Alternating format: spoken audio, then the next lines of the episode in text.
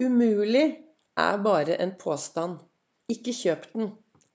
Velkommen til en ny episode av Begeistringspodden. Det er Vibeke Ols. Driver Ols Begeistring. Jeg er en farverik foredragsholder, mentaltrener. Kaller meg begeistringstrener og brenner etter å få fler til å tørre å være stjerne i eget liv. Hver morgen så starter jeg etter noen morgenritualer. Så ender jeg opp i godstolen og reflekterer over det som står i dagens eh, ord i kalenderen og boken min. Og i dag så sto det 'Umulig er bare en påstand. Ikke kjøp den'.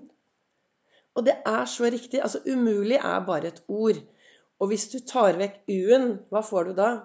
Jo, da får du mulig. Det er klart at litt realistisk er det viktig å være.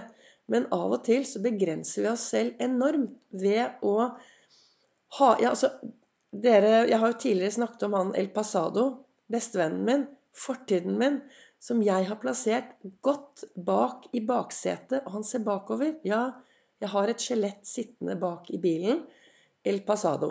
Av og til så sitter han inne i stua, i godstolen ved siden av den andre stolen. Eller så er han ute, og så er han alltid med meg på foredrag. Og hvis du går inn på min eh, Instagram-konto Instagram eller Facebook-konto, så finner du masse bilder av El Pasado rundt omkring.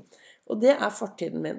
Veldig mange av oss er veldig flinke til å si pga. sånn og sånn og sånn, så er det helt umulig for meg å få det bedre i hverdagen, å få et bedre liv, å få sånn og få sånn. Vi begrenser oss selv pga. fortiden vår. Det som er viktig, er jo å akseptere hele fortiden din. Akseptere alle sidene ved deg selv, for du er et verdifullt menneske. Akseptere de valgene du har tatt. Akseptere at du har gjort litt Ja, kanskje du har gjort ting du skulle ønske du hadde gjort på en annen måte. Og når du aksepterer de tingene, og setter det ved siden av deg, og begynner å leve et liv til tross for, da skjer det ting. Og da blir det umulige mulig. For ofte begrenser vi oss ved å tenke for mye på, på tidligere ting. Jeg fikk Jeg sitter jo her i dag. Eh, nå er det dag? Det er onsdag. Jeg skal snart sende live på Facebook. Og på onsdager tar jeg på meg kapteinslua mi. For da snakker jeg om viktigheten av å være kaptein i eget liv. Ta styring. Og en god kaptein, han styrer eh, skøyta. Han prøver å Han jobber med å se litt fremover og se stormen som kanskje kommer, og er bevisst hvordan han skal komme seg inn og ut av stormene. Og, så jeg velger jo da å gjøre det jeg kan for å være en god kaptein i mitt liv. I Vibeke Ols AS. Men det er klart, av og til så lar jeg meg påvirke på både den ene og den andre måten. Og så i fjor, 24. juli i fjor, så kjøpte jeg meg en landeveissykkel. Da hadde jeg syklet i mai og juni på min gamle hybridsykkel, som er en 14, 20 år gammel sykkel. 14 kilo, og jeg hadde syklet ganske mange turer. Og den der frihetsfølelsen jeg fikk på sykkel, er helt fantastisk. Og så hadde jeg to sånne Grand Fondo-turer som er 100 km, og så bestemte jeg meg for at nei, nå skal jeg kjøpe meg en landeveissykkel. 24.07. i fjor så kjøpte jeg meg en landeveissykkel, og jeg var så stolt. Jeg var så stolt. Og så var jeg oppe på Ja, jeg var et sted.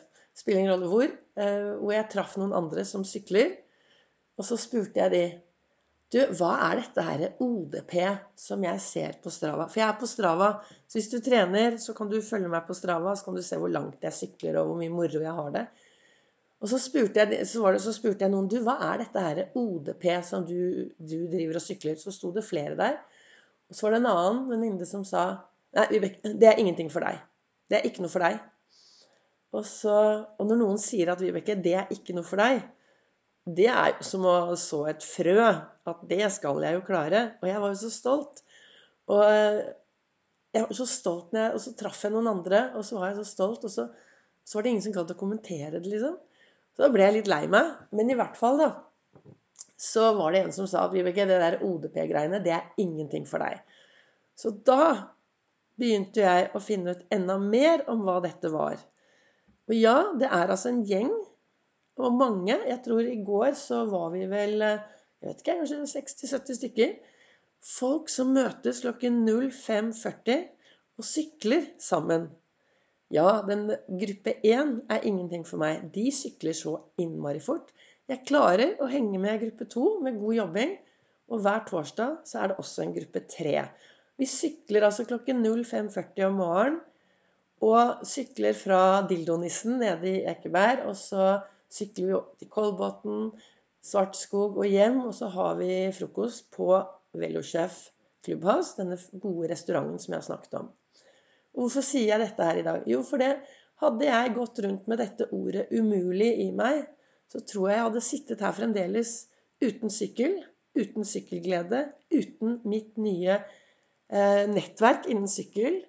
Men for meg, når noen sier til meg at ting er umulig, så blir jeg sånn bare Nei! Dette skal jeg få til! Det gir meg skikkelig inspirasjon til å få det til. Også fordi det er en indre motivasjon av å klare å takle mer av det jeg aldri har klart å gjøre før. Jeg føler Nå er jo jeg 59 eh, glade år. Og de siste årene har jeg virkelig tatt tak i livet mitt. Og jeg har bare lyst til å bli bedre og bedre form. Og jeg holdt et foredrag som jeg snakket om nå eh, på lørdag. holdt jeg et foredrag i en 60-årsdag. Masse, masse flotte damer. Og så sier, det, ble det snakk om trening, da. Og så sier en av disse damene at ja, det er så mange som sier at når vi har passert 60, det er altfor seint å begynne å trene. Og så er det en av de andre som sier de at ja, men vi skal jo leve til er 120. Vi har 60 år til vi skal leve. Det er klart vi trenger å begynne å trene og bevege oss nå. Og det er det at uh, det er viktig å ta tak i egen helse. I går var jeg på noe som heter eh, Gobinar. Jeg var på en konferanse om fysisk aktivitet. Litt spesiell konferanse, det, og det var på Teams. Og det er jo noe alle er på nå. Men vi gikk fem kilometer i Oslo. Vi startet på Sørenga, endte på Aker Brygge og, var, og gikk opp Karl Johan og forbi Slottet rundt.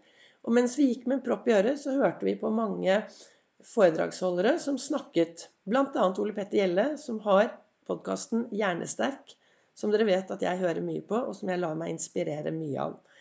Og det de sa der, var jo at bare fire minutter med aktivitet og få opp pulsen kan gjøre en forskjell for deg.